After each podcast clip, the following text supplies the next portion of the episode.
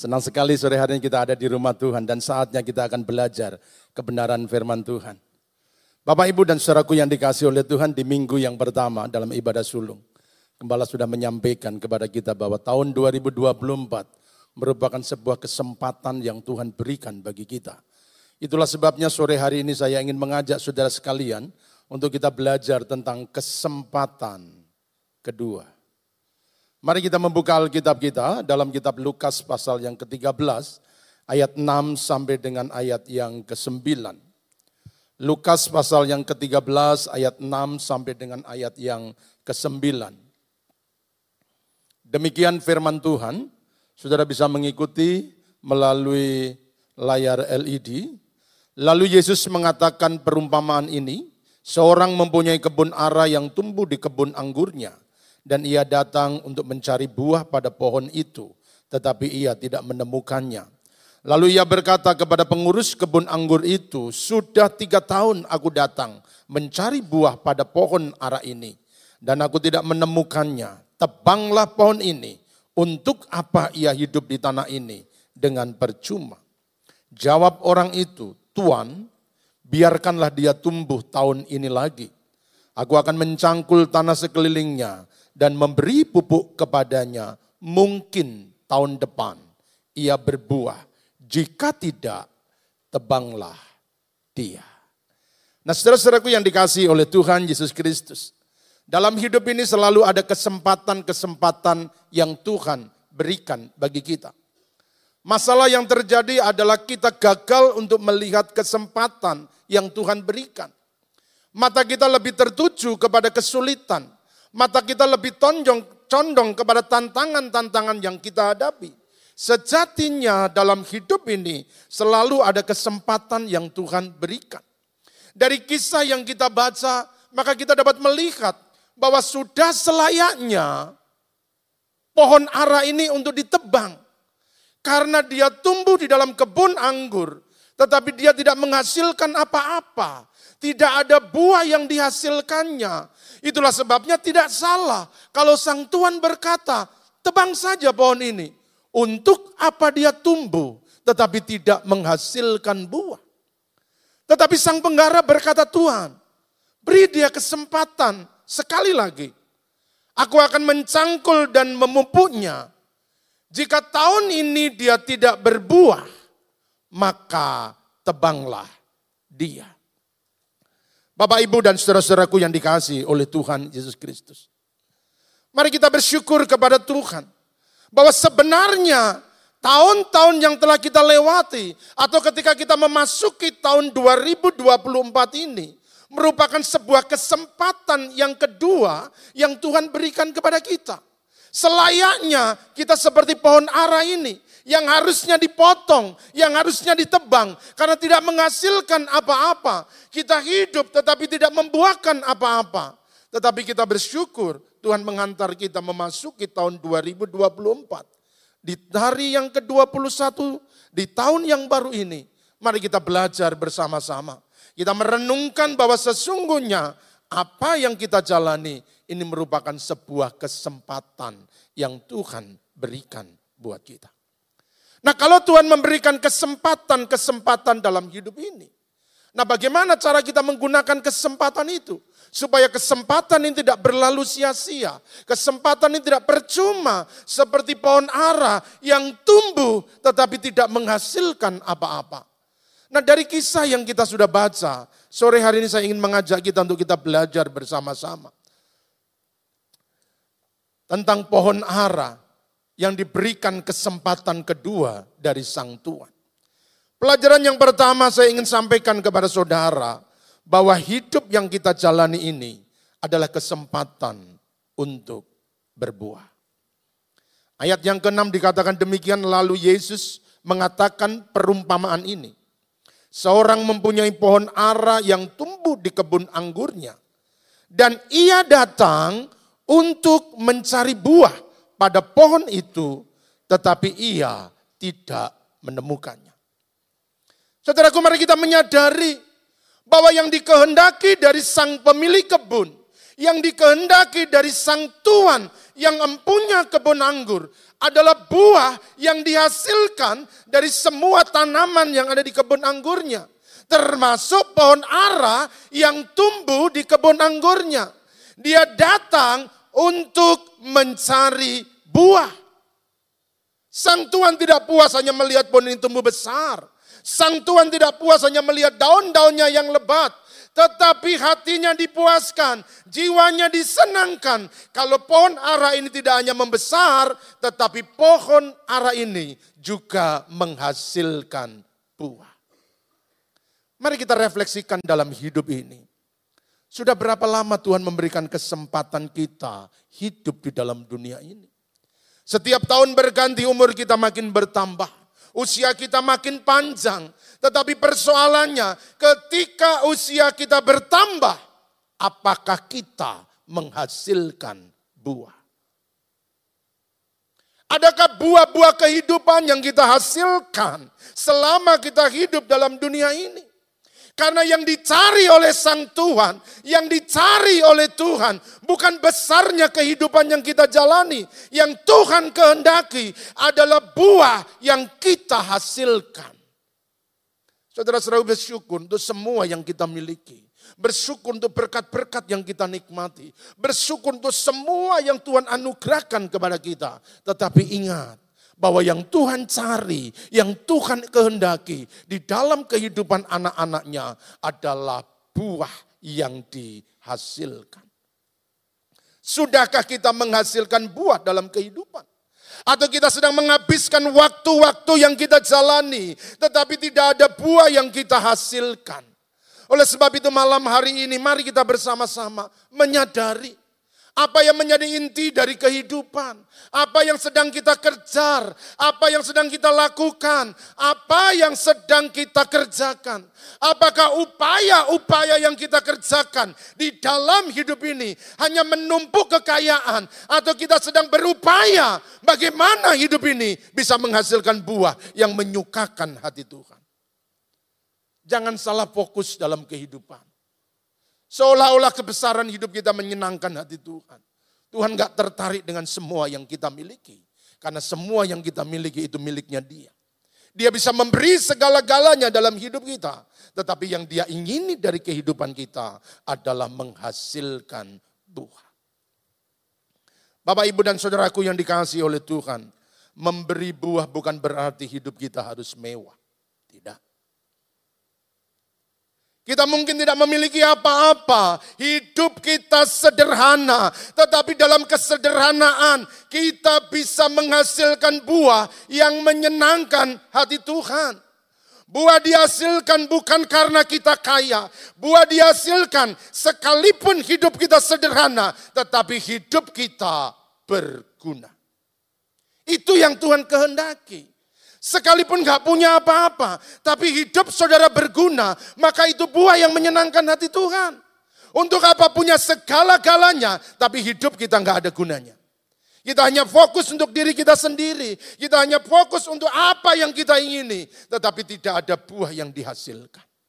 Saudara-saudaraku yang dikasih oleh Tuhan. Menghasilkan buah tidak harus menunggu saudara menjadi hebat. Biar kita menjadi orang-orang yang biasa, apa adanya. Tetapi kalau hidup kita bermanfaat, maka kita bisa menghasilkan buah. Oleh sebab itu siapa pun kita, suami-suami, mari kita merenungkan. Apakah kita sudah menghasilkan buah? Apakah istri yang bersama-sama dengan kita dari hari ke hari, yang menemani kita dalam suka dan duka, yang menemani kita dalam sepanjang perjalanan hidup kita, dia juga menikmati buah-buah yang kita hasilkan. Orang tua, apakah anak-anak juga menikmati buah yang kita hasilkan? Istri-istri, apakah suami kita menikmati buah yang kita hasilkan? Mari sadarilah bahwa inti dari kehidupan ini adalah menghasilkan buah. Filipi pasal yang kedua, ayat yang kedua, pertama, ayat yang ke-22. Rasul Paulus katakan demikian. Tetapi jika aku harus hidup dalam dunia ini, itu berarti, sudah kata, perhatikan, itu berarti bagiku bekerja memberi buah, Mana yang harus kupilih? Aku tidak tahu. Rasul Paulus sadar bahwa dalam hidup ini yang dikejar bukan kekayaan duniawi, yang dikejar bukan ketenaran, yang dikejar bukan kemasyuran. Mesti nggak terkenal, kita nggak viral, nggak apa-apa. Tetapi yang penting hidup kita menghasilkan buah. Sebab buahlah yang menjadi inti dari kehidupan. Saudara yang bekerja di kantor, biarlah di kantor saudara bisa menghasilkan buah. Saudara yang bekerja di tempat-tempat usaha saudara, di perusahaan, di toko, di pasar, anak-anak yang ada di sekolah, di mana pun kita berada, pastikanlah bahwa ada buah yang kita hasilkan. Sebab memang untuk itulah kita diciptakan. Untuk itulah kita ditebus oleh Tuhan, supaya kita menghasilkan buah. Kalau saudara melihat dalam kitab Efesus, maka Tuhan berkata, bahwa kita ditebus dan diselamatkan untuk mengerjakan pekerjaan-pekerjaan baik. Artinya ada buah yang kita hasilkan di dalam hidup ini. Oleh karena itu tahun 2024 Tuhan memberi kesempatan sekali lagi buat kita. Supaya kita dapat menghasilkan buah. Barangkali 2023 belum banyak buah yang kita hasilkan. Sudah selayaknya kita dipotong dan ditebang. Tetapi Tuhan memberi kesempatan supaya kita menghasilkan buah. Pelajaran yang kedua. Bahwa kesempatan itu akan menjadi sia-sia jika hidup kita tidak ada buah yang dihasilkannya. Kesempatan menjadi sia-sia jika tidak ada buah yang dihasilkannya. Ayat 7b. Lalu ia berkata kepada pengurus kebun anggur itu, sudah tiga tahun aku datang mencari buah pada pohon ara ini, dan aku tidak menemukannya. Perhatikan, tebanglah pohon ini, untuk apa ia hidup di tanah ini dengan percuma. Ponara ini sudah diberi kesempatan tiga tahun. Setiap tahun sang pemilik datang dan mencari buah. Ketika tahun yang pertama dia datang dan belum ada buah, dia bisa maklum. Mungkin tahun yang kedua dia akan menghasilkan buah. Dia nanti tahun yang kedua lewat dan sang pemilik datang kembali. Dia melihat kebun arah ini dan dia lihat lagi tidak ada buah yang dihasilkannya. Lalu dia menunggu sekali lagi. Tahun yang ketiga, mudah-mudahan dia menghasilkan buah. Diberi kesempatan pada tahun yang ketiga. Tetapi pada tahun yang ketiga, pohon ara ini juga tidak menghasilkan buah. Kesabarannya habis. Dan dia berkata, untuk apa pohon ini hidup dengan percuma. Saudara perhatikan.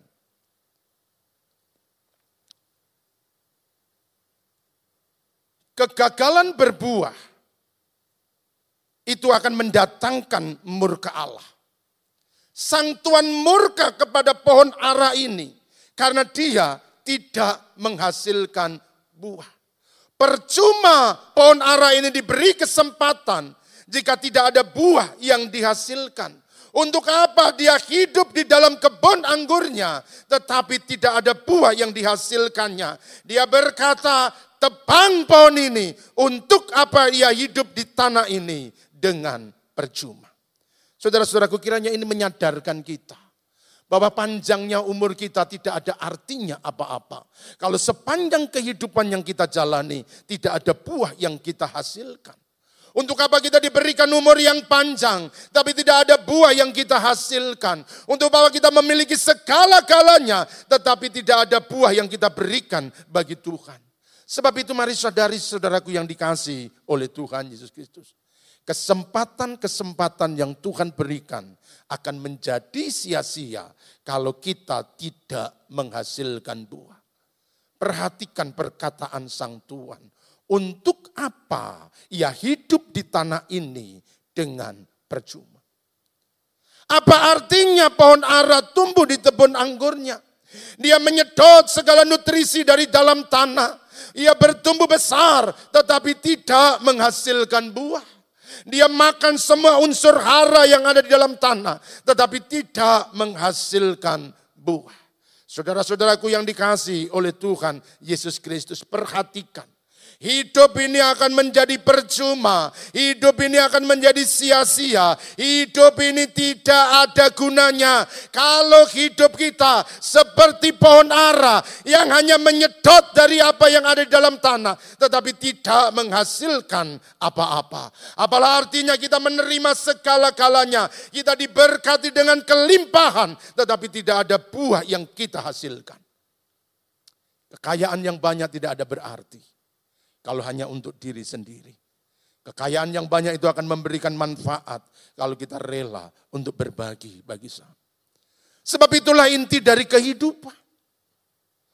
Bahwa kalau kita hanya hidup untuk diri kita sendiri seperti pohon ara yang hanya menyedot segala makanan dari dalam tanah. Tetapi kalau dia tidak menghasilkan buah, maka hidupnya akan menjadi sia-sia. Hidupnya menjadi percuma. Mari sadarilah bahwa kita diberi supaya kita dapat berbagi. Kita dilimpahi berkat agar kita dapat menjadi berkat. Kita diampuni supaya kita dapat juga mengampuni. Kita dikasihi supaya kita juga dapat mengasihi sesama kita. Bahkan kita mampu mengasihi para pembenci. Itulah kehidupan yang berbuah. Tetapi kalau kita hidup dalam dunia ini tidak menghasilkan buah, maka hidup kita ini akan menjadi percuma. Pohon ara, dia hanya menarik apa yang dari dalam, tetapi tidak mengeluarkan dari dirinya. Sudah waktunya 2024. Bahwa inilah waktunya untuk kita berbuah. Kesempatan yang kedua Tuhan berikan kita kembali. Bahwa ini kesempatan kalau tahun 2023 ada banyak kesempatan yang Tuhan buka, tetapi tidak ada buah yang kita hasilkan. Dan ini kesempatan yang Tuhan berikan. Saatnya menghasilkan buah-buah kehidupan. Tadi pagi di ibadah yang pertama, Saudara Jaya Minandar menyampaikan tentang kesempatan untuk penginjilan. Buah jiwa yang kita hasilkan. Ibadah yang kedua, Pendeta Gideon Santosa juga menegaskan bahwa ada buah-buah kehidupan yang memang harus dihasilkan dari tanah hati kita yang subur. Saudara-saudaraku yang dikasih oleh Tuhan, ada banyak kesempatan yang Tuhan beri di tahun ini. Jangan buat menjadi sia-sia. Sebab itu hasilkan buah kehidupan di dalam hidup kita. Yang ketiga, pelajaran yang kita dapat ambil dari pohon ara ini. Bahwa kesempatan kedua itu diberikan berdasarkan kemurahan hati Tuhan. Saudara ingat baik-baik. Ayat 8 dan 9 sekali lagi saya bacakan buat saudara. Jawab orang itu, Tuhan, biarkanlah dia tumbuh tahun ini lagi. Aku akan mencangkul tanah sekelilingnya dan memberi pupuk kepadanya. Mungkin tahun depan ia berbuah. Jika tidak, tebanglah dia. Saudara-saudaraku yang dikasih oleh Tuhan. Sudah selayaknya pohon ara ini ditebang. Karena tiga tahun sang pemilik datang tidak ada buah yang dihasilkan. Tetapi sang penggarap memohon kepada Tuhan. Tuhan berikan kesempatan sekali lagi. Aku akan mencangkulnya, aku akan memupuknya, aku akan merawatnya. Mungkin dia akan berbuah. Jika tidak, tebanglah dia. Saudara-saudaraku sudah seharusnya pohon ara ini ditebang. Tetapi karena ada kemurahan hati sang Tuhan, maka dia diizinkan untuk tumbuh sekali lagi di tahun ini supaya dia bisa menghasilkan buah. Oleh sebab itu jangan sia-siakan kesempatan yang Tuhan berikan kepada kita. Sekali lagi saya mau ingatkan kepada jemaat Tuhan, kalau kita masih hidup di tahun 2024 ini, sadarilah bahwa semuanya itu hanya oleh karena kemurahan Tuhan. Seharusnya kita ditebang, tetapi ada kemurahan yang Tuhan berikan kepada kita. Tanggal 9 Januari yang lalu di tempat ini, ada ibadah Natal hamba-hamba Tuhan GPDI sejawa Tengah. Ada banyak hamba-hamba Tuhan hadir di tempat ini. Dan ibadah berlangsung dengan penuh sukacita. Tetapi siapa sangka dari seluruh peserta yang hadir pada Natal hamba-hamba Tuhan daerah Jawa Tengah. Selesai Natal, mereka pulang dan sore harinya maka beredar berita di WA grup hamba-hamba Tuhan bahwa yang tadi pagi ada di tempat ini, yang tadi pagi merayakan Natal, sore harinya baru tiba di gerejanya, di tempatnya dia dipanggil Tuhan. Siapa yang sangka kalau hidup begitu cepat berlalu? Kita tidak pernah tahu batas umur kita. Kita pernah tahu berapa banyak kesempatan yang Tuhan berikan. Tetapi kalau hari ini kita ada di rumah Tuhan, kita bisa mendengarkan firman Tuhan. Ada peringatan yang Tuhan sampaikan kepada kita. Sekali lagi, bahwa kesempatan yang kedua itu diberikan hanya berdasarkan kemurahan hati Sang Tuhan. Kita seharusnya sudah layak untuk dipotong. Karena tidak ada buah yang kita hasilkan. Tidak ada kesempatan yang Tuhan berikan kepada kita. Tetapi mari kita syukuri. Kalau tahun ini Tuhan masih memberikan kesempatan kepada kita. Itu berarti Tuhan masih menginginkan untuk setiap anak-anaknya menghasilkan buah kehidupan. Jangan sia-siakan kesempatan yang Tuhan berikan kepada kita. Roma pasal yang kedua ayat yang keempat berkata demikian. Maukah engkau menganggap sepi kekayaan kemurahannya, kesabarannya, dan kelapangan hatinya? Tuhan itu punya kemurahan, Tuhan itu memang panjang sabar, dia punya kelapangan hati yang tidak terhingga. Tetapi perhatikan, tidakkah engkau tahu bahwa maksud kemurahan Allah ialah menuntun engkau kepada pertobatan. Saudara-saudaraku yang dikasih oleh Tuhan, jangan anggap biasa kemurahan Tuhan. Hanya berkata, ya Pak memang belum waktunya mati, maka kami masih hidup. Kalau saudara belum mati hari ini, itu karena masih ada kemurahan Tuhan. Siapa yang bisa menahan usia kita? Siapa yang bisa menolak kematian kalau itu datang menghampiri kita? Tidak ada. Saudara lihat beberapa tahun yang lalu ketika COVID melanda dunia, orang-orang yang kaya dengan banyak kekayaan uang yang dimiliki, tetapi tidak bisa memperpanjang usianya. Uang yang banyak tidak berkuasa untuk menghindarkan dia dari kematian. Bahkan kepandaian kedudukan yang tinggi itu juga tidak ada kuasanya apa-apa ketika kematian menjemput tidak ada seorang pun, tidak ada pejabat mana pun, tidak ada kekuatan apa pun yang dapat menahan, apalagi menolak kematian kalau itu datang. Kalau kita masih hidup pada sore hari ini, sekali lagi, semata-mata hanya oleh karena kemurahan Tuhan. Dan Alkitab berkata bahwa kemurahan Tuhan itu diberikan untuk menuntun kita kepada pertobatan. Kalau kita masih hidup Tuhan tahu bahwa saatnya kita bertobat. Karena dengan bertobatlah maka kita akan menghasilkan buah. Tanpa pertobatan maka tidak pernah ada buah yang dihasilkan. Tapi mereka yang bertobat, mereka yang memulai kehidupan yang baru, maka mereka punya kesempatan untuk menghasilkan buah-buah kehidupan yang menyukakan hati Tuhan.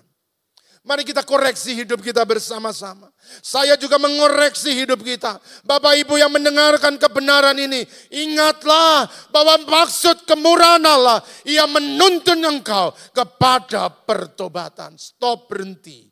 Jangan lagi hidup di dalam dosa.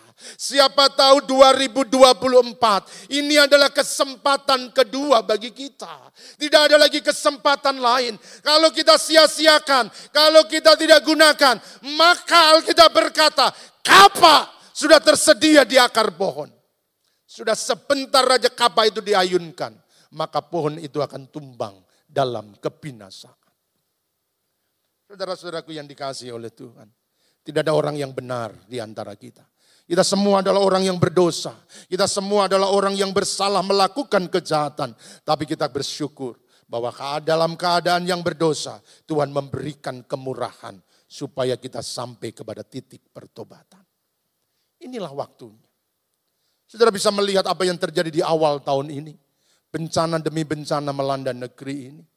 Banjir terjadi di mana-mana, kecelakaan kereta, erupsi gunung berapi, gempa bumi dekat dengan kita, Sumedang. Kalau itu terjadi siapa yang bisa menahan? Kalau bumi udah digoncang oleh Tuhan, siapa yang bisa menghentikannya? Lalu kenapa kita menyia-nyiakan kesempatan yang Tuhan berikan? Sudah saatnya wahai anak-anak Tuhan, jemaat yang dikasih Tuhan, bahwa kemurahan Allah diberikan untuk menuntun kita kepada pertobatan. Mari kita hidup dalam kebenaran. Mari kita hidup dalam keselarasan dengan firman Tuhan. Sebab kehidupan yang benar itu adalah awal untuk kita dapat mengeluarkan buah-buah kehidupan. Sekali lagi tanpa pertobatan, maka tidak ada buah yang kita hasilkan. Mari kita bersyukur terima kasih Tuhan. Seharusnya saya sudah ditebang. Karena banyaknya kejahatan dan dosa yang aku lakukan. Tadi pagi saya bertemu dengan seorang anak muda. Sudah sangat lama sekali dia tidak datang ke gereja ini. Dan kembali tadi pagi tiba-tiba dia datang. Saya katakan kepada dia, ini kesempatan buat. Gunakan baik-baik. Kalau engkau anggap biasa, Jangan sampai kesempatan ini berlalu. Iya kak, saya akan memulai hidup yang baru. Saudaraku yang dikasih oleh Tuhan. Tuhan memberi kesempatan buat kita. Tuhan memberi kemurahan buat kita. Jangan sia-siakan. Yang keempat, saudara perhatikan baik-baik. Bahwa kesempatan kedua itu ada batasnya. Sekali lagi saya berdengarkan ayat ini. Jawab orang itu, Tuan, biarkan dia tumbuh tahun ini lagi. Aku akan mencangkul tanah sekelilingnya dan memberi pupuk kepadanya. Mungkin tahun depan ia berbuah. Perhatikan, jika tidak, tebanglah dia. Wah, ini keras sekali. Sudah diberi kesempatan, tetapi tidak digunakan maka akan berakhir kepada kebinasaan. Jika tidak berbuah, tebanglah dia. Kekristenan tidak cukup kita hanya percaya kepada Yesus. Kekristenan harus menghasilkan buah. Karena untuk itulah kita ditebus dan diselamatkan. Supaya kita dapat menghasilkan buah-buah kehidupan. Iman itu harus dibuktikan dengan tindakan. Keselamatan yang kita miliki itu harus dibuktikan dengan perbuatan sehari-hari. Kalau kita hanya beriman, percaya tanpa ada buah yang dihasilkan, maka setan-setan juga percaya kepada Tuhan. Tetapi dia tidak pernah menghasilkan buah kehidupan. Saudaraku yang dikasih oleh Tuhan Yesus Kristus. Tuhan memang memberikan kesempatan kedua kepada kita. Tetapi ingatlah bahwa kesempatan yang kedua itu ada batasnya. Tidak untuk selamanya pintu kemurahan Tuhan buka. Akan ada waktunya pintu kemurahan itu ditutup. Dan kalau Tuhan sudah menutup pintu kemurahan, maka tidak ada seorang pun dapat membukanya. Sebelum terlambat, cepatlah bertobat. Tidak ada kesempatan. Sudah tidak waktunya lagi kita main-main. Dari Bapak Gembala sudah berkali-kali mengingatkan bahwa kedatangan Tuhan sudah dekat. Tiap minggu sudah selalu diingatkan gambar-gambar peta zaman, bagaimana runtutan kehadiran Tuhan selalu diingatkan kepada saudara. Biarlah itu menyadarkan kita bahwa memang ini waktunya sudah dekat. Ini saatnya sudah dekat. Tidak ada lagi kesempatan kita untuk bermain-main. Ingat, kesempatan yang kedua ada batasnya. Anak-anak muda, masih ingat ketika kalian berantem dengan pacarmu? Ketika salah, ya sekali lagi ya. Ini terakhir ya. Tapi itulah kehidupan. Tidak ada sesuatu yang berjalan untuk selamanya.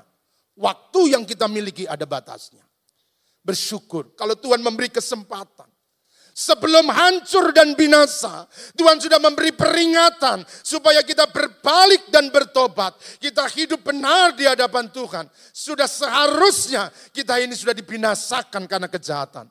Tetapi kita bersyukur sebelum segalanya hancur. Tuhan sudah mengetuk hati kita dan menyadarkan. supaya kita kembali kepada. Saya sangat bersyukur. Ada banyak anak Tuhan yang menggunakan kesempatan kedua yang Tuhan berikan. Dan sekali lagi tidak ada seorang pun yang tahu batas kesempatan yang Tuhan berikan. Roma 11 ayat 22. Sebab itu perhatikanlah kemurahan Allah. Saudara lihat kemurahannya. Hari ini kita menerima kemurahannya. Tetapi ayat ini berkata, jangan hanya perhatikan kemurahan Allah. Dan juga kekerasannya. Yaitu kekerasan atas orang-orang yang telah jatuh. Tetapi atas kamu kemurahannya. Yaitu jika kamu tetap dalam kemurahannya. Jika tidak, perhatikan. Kamu pun akan dipotong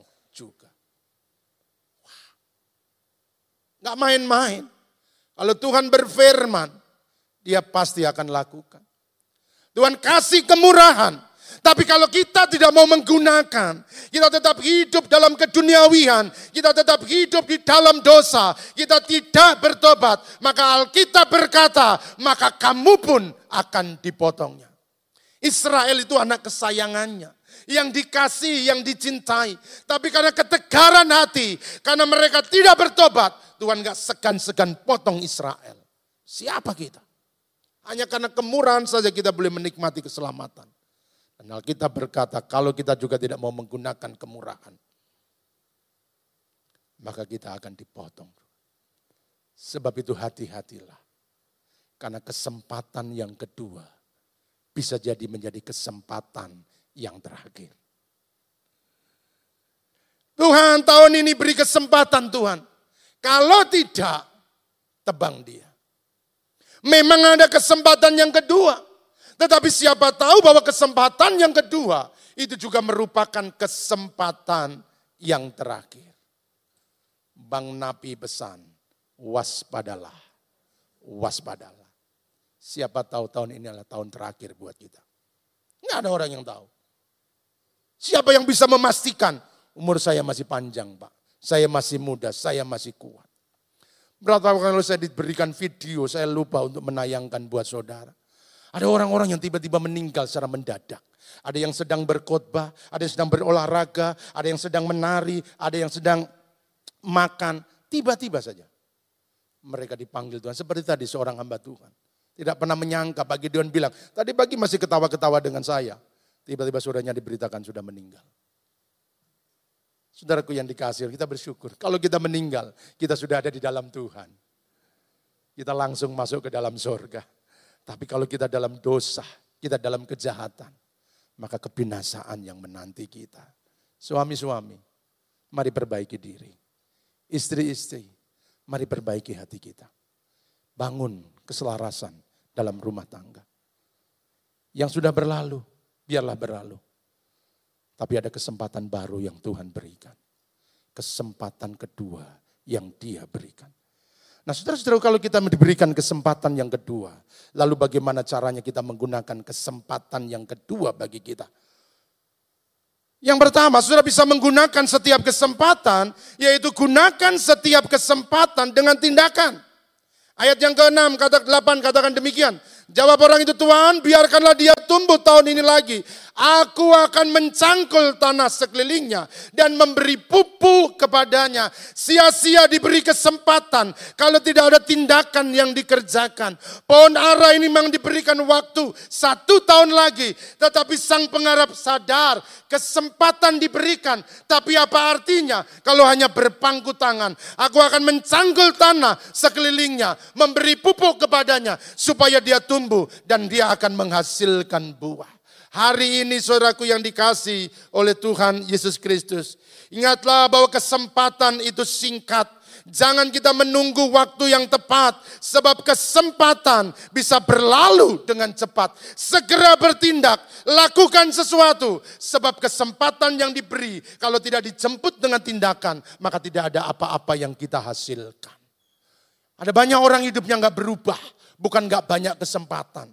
Ada banyak kesempatan, tetapi dia hanya diam berpangku tangan. Sekecil apa pun kesempatan yang Tuhan berikan.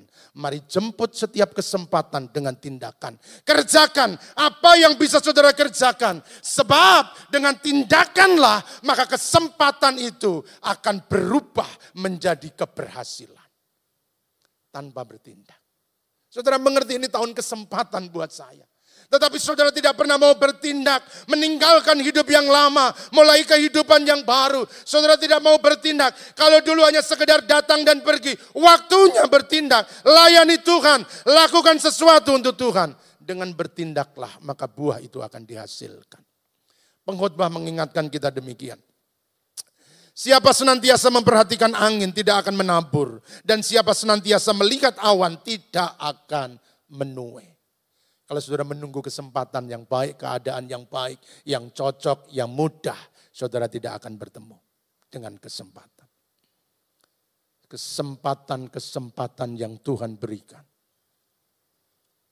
hanya bisa berubah menjadi keberhasilan kalau kita mau melakukan. Jika kita takut mengambil peluang, maka kesempatan itu akan terbuang. Tapi kita jika berani mengambil kesempatan, mengambil peluang, maka setiap kesempatan itu akan berubah menjadi keberhasilan. Sekarang lihatlah sekeliling saudara. Kesempatan apa yang Tuhan sedang bukakan. Apa yang Tuhan sedang nyatakan.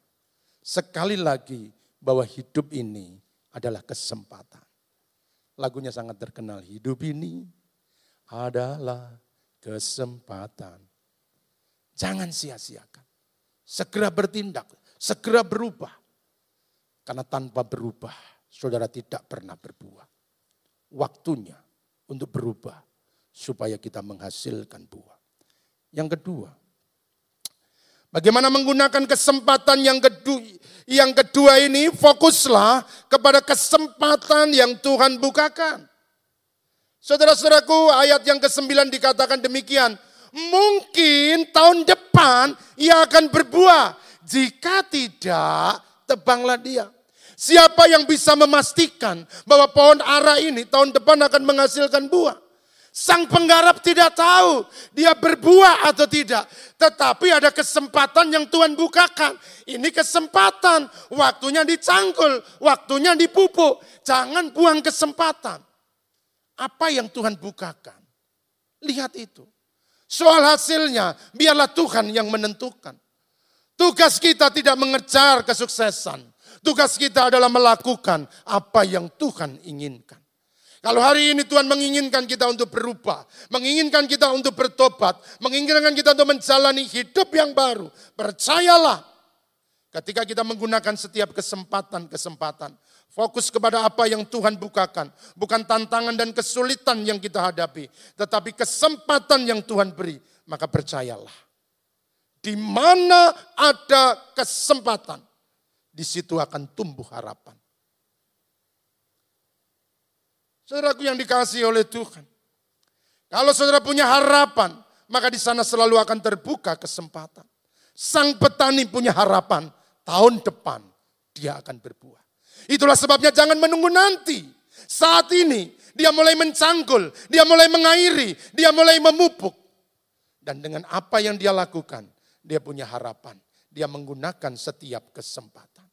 Saudara-saudaraku yang dikasih oleh Tuhan, tetaplah berharap kepada Tuhan. Atas setiap kesempatan yang Tuhan bukakan.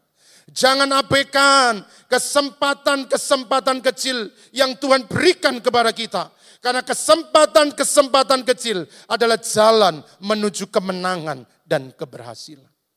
Yang bisa dilakukan adalah mencangkul dan memupuknya. Hanya kecil yang dia lakukan. Tetapi dari perbuatan-perbuatan kecil, tindakan-tindakan sederhana, itu justru akan mengantarkan dia untuk meraih keberhasilan.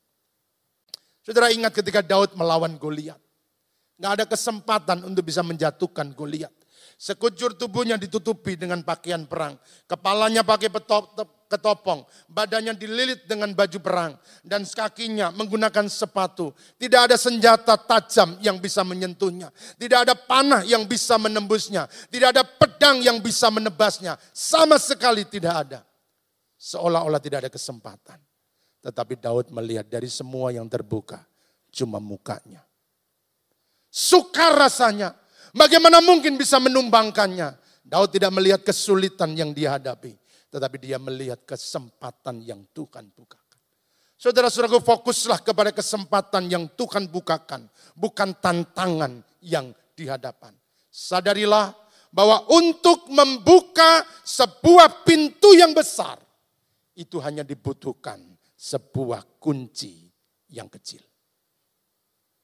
Ini pintu besar-besar tapi dengan pintu kunci yang kecil. Pintu itu akan terbuka. Kesempatan-kesempatan kecil yang Tuhan bukakan. Pak modalnya sedikit nggak apa-apa. Pak yang dimiliki sedikit nggak apa-apa. Pak yang dikerjakan cuma ini nggak apa-apa. Pak yang bisa ditabung cuma sedikit nggak apa-apa. Tapi kesempatan-kesempatan yang Tuhan bukakan itu akan membawa kita kepada keberhasilan di masa depan. Yang terakhir, bagaimana kita menggunakan kesempatan yang kedua ini. Saudara sadarilah bahwa kegagalan bukan akhir dari kehidupan. Akan selalu ada kesempatan dan harapan yang Tuhan berikan. Pohon ara ini sudah gagal. Tiga tahun sang pemilik datang dan tidak menghasilkan buah. Sudah selayaknya dia ditebang. Tetapi ada kesempatan yang sang Tuhan berikan. Seburuk apa pun masa lalu yang pernah kita lalui, sebesar apa pun dosa yang telah kita lakukan, ingatlah masih ada kesempatan yang Tuhan berikan. Kegagalan-kegagalan kita masa lalu tidak menghentikan Tuhan berkarya dalam hidup kita. Dia masih memberi kesempatan buat saudara dan saya. Kalau tahun-tahun yang lalu kita habiskan dengan sia-sia, tidak ada buah yang kita hasilkan. Tidak ada kebaikan yang kita berikan. Inilah waktunya ambil komitmen. Terima kasih buat kesempatan yang Tuhan beri. Kegagalanmu tidak pernah membuat gagal dan berhenti untuk menolongmu, untuk bangkit dan meraih keberhasilan di masa depan. Firman Tuhan dalam kitab Mazmur pasal 108 ayat 103 ayat 8 dan 9. Firman Tuhan berkata demikian, Tuhan adalah penyayang dan pengasih, panjang sabar dan berlimpah kasih setia. Tidak selalu ia menuntut dan tidak untuk selama-lamanya ia mendendam. Saudara-saudaraku, barangkali saudara sudah mulai putus asa. Berbagai usaha sudah dicoba tapi menemui kegagalan. Ingat, di tengah-tengah kegagalan masih ada kemurahan dan kesempatan yang Tuhan berikan. Waktunya mari bangkit dan lihat bahwa ada tangan Tuhan yang menopang. Seperti si penggarap kebun anggur. Dia merendukkan diri, dia mencanggul tanahnya. Dia memupuk pohon itu. Supaya pohon itu tumbuh dan menghasilkan buah. Demikian yang Tuhan kerjakan kepada kita. Di hadapan kita tersedia tubuh dan darah Tuhan. Dari tempat yang maha tinggi dia datang ke dalam dunia ini. Dia mati di atas kayu salib. Dia memberikan tubuhnya. Dia memberikan darahnya. Supaya Kegagalan-kegagalan kita diangkutnya di atas Kalvari. Dia memberikan kesempatan yang baru. Ketika dia mati di atas kayu salib. Saudara dari atas bukit Golgota. Dia memandang kita, nak Aku tahu engkau gagal. Aku tahu engkau tak mampu. Aku tahu engkau telah salah. Tetapi lihatlah, kedua tanganku direntangkan, kakiku dipaku, darahku mengucur, mengambil semua kegagalanmu.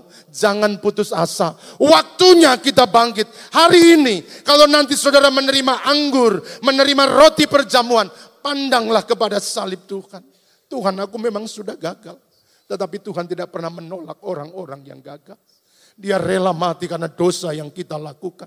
Dia mati di atas kayu salib karena kegagalan-kegagalan yang kita lakukan. Dia menanti bertahun-tahun tapi tidak ada buah yang kita hasilkan. Tetapi kita bersyukur ada kemurahan. Kita diizinkan melalui tubuh dan darahnya kita menerima pengampunan. Kita menerima kehidupan yang baru.